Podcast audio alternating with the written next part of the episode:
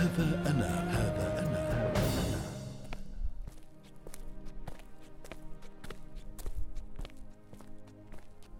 شارع تربة الباي منزل رقم 34 تونس. إننا في سنة 732 للهجرة الموافق لعام 1332 للميلاد.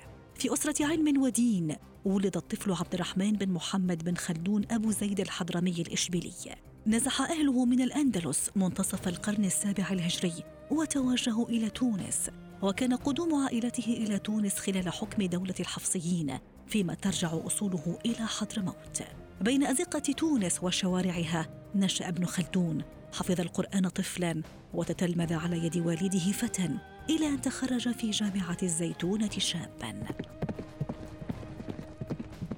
هو الآن يشد الرحال إلى مدينة بسكرة. جنوب شرقي الجزائر. أخذ علمه إلى هناك قبل أن يستقر به المقام ويتزوج هناك. إننا في سنة 1356 للميلاد. ابن خلدون يتوجه إلى مدينة فاس بالمغرب التي استقر بها فترة من الزمن ومنها إلى غرناطة سنة 1363 فإشبيلية. ليعود بعدها إلى قرية تسمى بن سلامة وهي قرية تقع في مدينة تيارة الجزائرية. في تيارة أقام ابن خلدون أربع سنوات. ولما طالعت كتب القوم وصبرت غور الأمس واليوم نبهت عين القريحة من سنة الغفلة والنوم هو الآن يشرع في تأليف كتاب بعنوان العبر وديوان المبتدأ والخبر في أيام العرب والعجم والبربر ومن عاصرهم من ذوي السلطان الأكبر. هو من أكبر مصادر الفكر العالمي يقع في سبعة مجلدات وأولها المقدمة وهي المشهورة أيضا بمقدمة ابن خلدون وتشغل من هذا الكتاب ثلثه. هي عبارة عن مدخل موسع لهذا الكتاب. وفيها يتحدث ابن خلدون عن الجغرافيا والعمران والفلك وأحوال البشر وطبائعهم والمؤثرات التي تميز بينهم.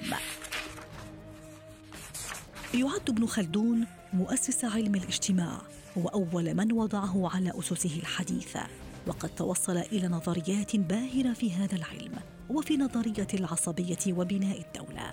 وقد سبقت آراؤه ونظرياته ما توصل إليه لاحقا بعد قرون عدة عدد من المفكرين والعلماء كالعالم الفرنسي أوغست كونت ابن خلدون لم يكن مفكرا وفيلسوفا فحسب بل هو دبلوماسي حكيم.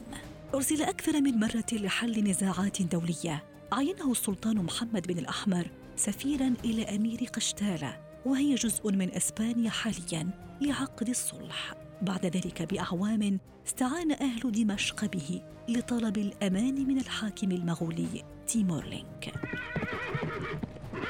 مرة أخرى يشد ابن خلدون الرحال والوجهة هذه المرة مصر التي ظل بها ما يناهز ربع القرن.